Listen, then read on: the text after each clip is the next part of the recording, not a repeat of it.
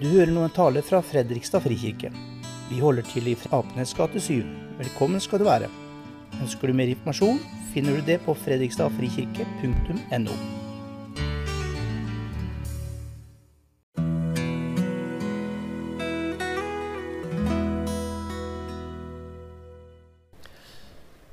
Nåde være med dere, og fred fra Gud vår Far og Herren Jesus Kristus. Velkommen til denne lille gudstjenestestunden på palmesøndag. Palmesøndag er jo en spesiell dag. Det er innledningen til påskeuka. Og vanligvis så er det en ganske flott dag i kirken. Jeg har funnet fram noen palmegrener som vi har laget her tidligere i kirken, og som barn har brukt til å illustrere inntoget i Jerusalem. Og Det er kanskje første gang på 1000 år at vi skal feire påske i landet vårt, og kirkene er stengt. Men det betyr ikke at påskebudskapet blir borte. Påskebudskapet er like sterkt og like nærværende uansett. Og I dag så begynner det med å handle om Jesu inntog i Jerusalem.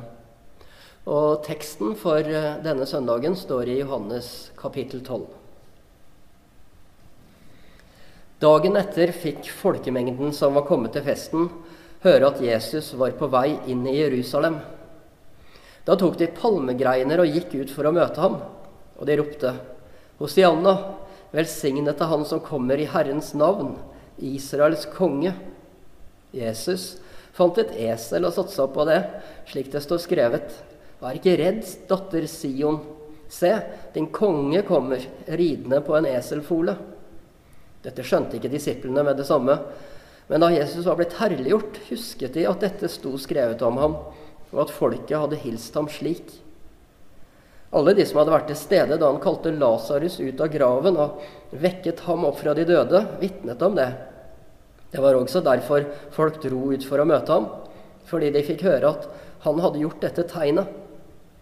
Fariseerne sa da til hverandre, der ser dere at ingenting nytter, all verden løper etter ham. Det var noen grekere blant dem som var kommet for å tilbe under høytiden.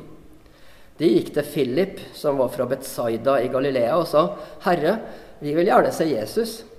Philip gikk og fortalte det til Andreas, og sammen gikk de og sa det til Jesus.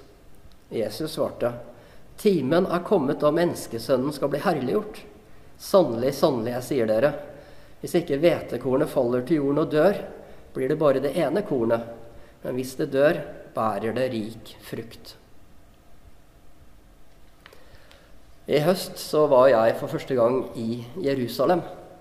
Og det er en ganske spesiell opplevelse å være inne i gamlebyen der med de trange gatene og de mange menneskene som gjør at det føles ganske trangt, og at det føles som man er midt oppi noe som er stort og viktig selv nå. På Jesu tid så var Jerusalem litt annerledes enn det er i dag. Men jeg tror man hadde noe av den samme følelsen. At her, det, her ble det fort fullt når mange mennesker samla seg. Og nå er det altså Jesus nærmer seg Jerusalem. Og ryktene har fløyet foran ham, og folk strømmer ut og møter ham ved porten. Og idet han kommer inn med ridende på et esel. Og jeg tror at det opplevdes som folksomt, at uh, ropene de gjenlød mellom disse trange smugene. Og det var fest, det var glede. Og når vi leser denne teksten, så er det henvist til Det gamle testamentet. I profeten Zakaria så står det profetert om det som skal skje. Zakaria kapittel 9. Bryt ut i jubel, Sions datter. Rop av glede, datter i Jerusalem. Se, din konge kommer til deg, rettferdig og rik på seier. Fattig er han og rir på et esel, på en eselfole. Jeg skal gjøre ende på vognene i Efraim og hestene i Jerusalem. Krigsbuen skal brytes i stykker. Han skal forkynne fred for folkeslagene. Hans velde skal nå fra hav til hav, fra storelven til jordens ender. Og Det er en ganske spesiell tekst. Og den er helt, helt klart at Jesus gjør noen bevisste valg når han kommer til Jerusalem. Og Det forteller også om denne kongen som skal komme, men samtidig så er han fattig står det. Og han rir på en, e, et esel, en eselfole. Han er ydmyk, og han skal skape fred. Han kommer ikke som en seierherre, han kommer ikke for å hovere over fiendene sine, men han kommer for å bryte i stykker krigsbuene og, og ta bort alle vognene og hestene som skal brukes i krig. Og han skal forkynne fred for folkene. Altså Han kommer ikke bare å forkynne fred for Jerusalem, men egentlig for hele verden. Og det er her denne historien om grekerne kommer inn. For jeg tror mange har lurt på hva gjør de egentlig i denne fortellingen. For Vi hører altså at det kommer noen grekere, og de spør om de kan få treffe Jesus. Og så hører vi ikke noe mer om dem. De forsvinner ut av historien igjen. Men når Jesus får høre at grekerne er der, at de spør etter ham, så er det som et signal på at nå er tiden inne. Timen er kommet da menneskesønnen skal bli herliggjort. Og så forteller han om hvetekornet som må falle i jorden og dø for at det skal vokse opp og bære rik frukt. Og denne frukten den kommer til å bre seg ut, vet vi da, til hele verden. Hvis vi hadde lest leseteksten i dag, og vi skal lese en del av den fra Efeserbrevet, så forteller den også mer om akkurat dette aspektet. Efeserbrevet kapittel 2. For han er vår fred han som gjorde de to til ett og rev ned den muren som skilte, fiendskapet. Ved sin kropp har han opphevet loven og dens bud og forskrifter. Slik stiftet han fred da han av de to skapte et nytt menneske i seg. I én kropp forsonte han det begge med Gud da han døde på korset, og slik drepte fiendskapet. Han kom og forkynte det gode budskapet om fred, både for, både for dere som er langt borte, og for dem som er nær. Og gjennom ham har både vi og dere fått adgang til Far i én ånd. Han er den som skapte fred, sier Paulus, ved det som skjedde i påsken, på korset. Han snakker om to fiender her. Og i denne sammenhengen så snakker han egentlig om jødene på den ene siden og alle andre på den andre siden. Grekerne, oss andre, hedningene. Nå vil vi nesten kunne tenke jøder og palestinere som nettopp lever der nede med denne muren som skiller dem. Og Så leser vi også her om at Jesus som river ned muren og fiendskapet. Det er bare synd at vi mennesker er så flinke til å bygge opp igjen fiendskap. Vi er så flinke til å bygge opp igjen murer. Men Jesus, i Jesus så er vi én familie. Vi har én far i himmelen. Vi er ett folk. Alle er omsluttet av Guds kjærlighet. Alle er omsluttet av Guds omsorg. Og frelsen, den kommer til alle mennesker, uansett hvem vi er. Alle menneskers enhet. På en måte har vi blitt minnet om det akkurat i disse tidene, om at menneskeheten er én menneskehet. Og det er gjennom koronaviruset som sprer seg fra land til land, fra menneske til menneske og som ikke kjenner noen grenser, som ikke tar hensyn til språk eller avstamning eller kjønn eller hudfarge eller anseelse. Viruset gjør ikke forskjell på folk. Og dette på en destruktiv og negativ måte. Men positivt så gjør heller ikke Gud forskjell på folk. Han har ingen grenser. Han ser ingen grenser. Han ser ikke alder eller kjønn eller hudfarge eller etnisitet eller hvor vi kommer fra. Hans evangelium, de gode nyhetene, freden som Jesus brakte, freden mellom oss og Gud, som også er en fred som sprer seg ut mellom oss medmennesker. Den gjelder både jøder og palestinere. Gjelder italienere eller spaniere, nordmenn, amerikanere, hvem det så er, hvor vi kommer fra. Den freden som Jesus vant for oss, den får vi ta imot uansett hvem vi er. Guds godhet er for alle. Vi er alle omsluttet av Guds omsorg. Du er omsluttet av Guds omsorg akkurat i dag, der hvor du er. Frelsen gjelder alle. Jesu død gir deg liv. Og Spørsmålet er da hvordan skal vi ta det imot? Skal vi stå her med palmegrenene våre og vifte og si at 'Jesus, velkommen til oss'? Ja, kanskje det. Eller skal vi gjøre som grekerne? Som spør, sier 'Vi vil gjerne møte Jesus'. Vi vil gjerne møte Jesus. Og det er et godt spørsmål. Eller vi kan være som fariseerne i denne teksten og de som surmuler og sier at ingenting nytter det, og alt folket løper jo etter ham.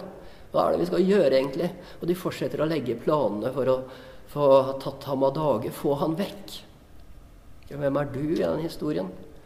Er du barna som vifter med palmegrener? Er du grekerne som spør etter Jesus? Eller er du fariseerne som bare ser han som et problem? Den fattige kongen som Zakaria profeterte om. Fredskongen som kommer på dette eselet. Han rir fortsatt omkring i verden. Og det han spør, er Kan jeg være din konge? Vil du følge i, dette, i mine fotspor? På fredens vei, på forsoningens vei, på frelsens vei. For jeg vil ha deg med i mitt følge.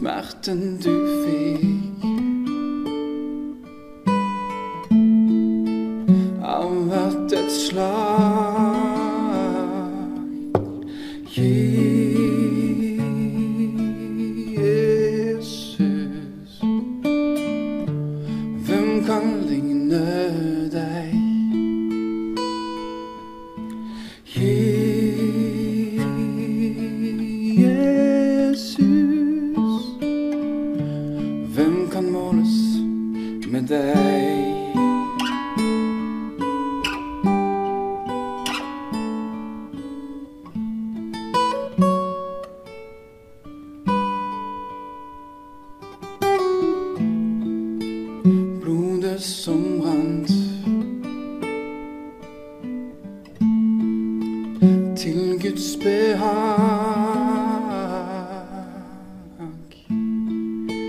Har vasket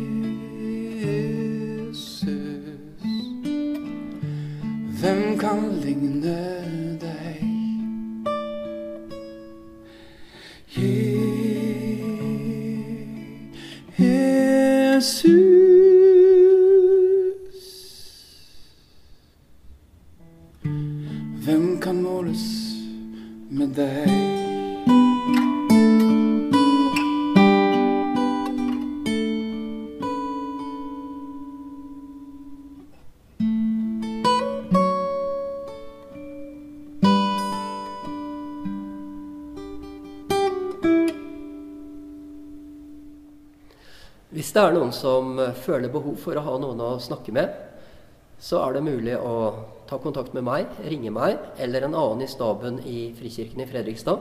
Og all kontaktinformasjon finner du på hjemmesiden vår www.fredrikstadfrikirke.no.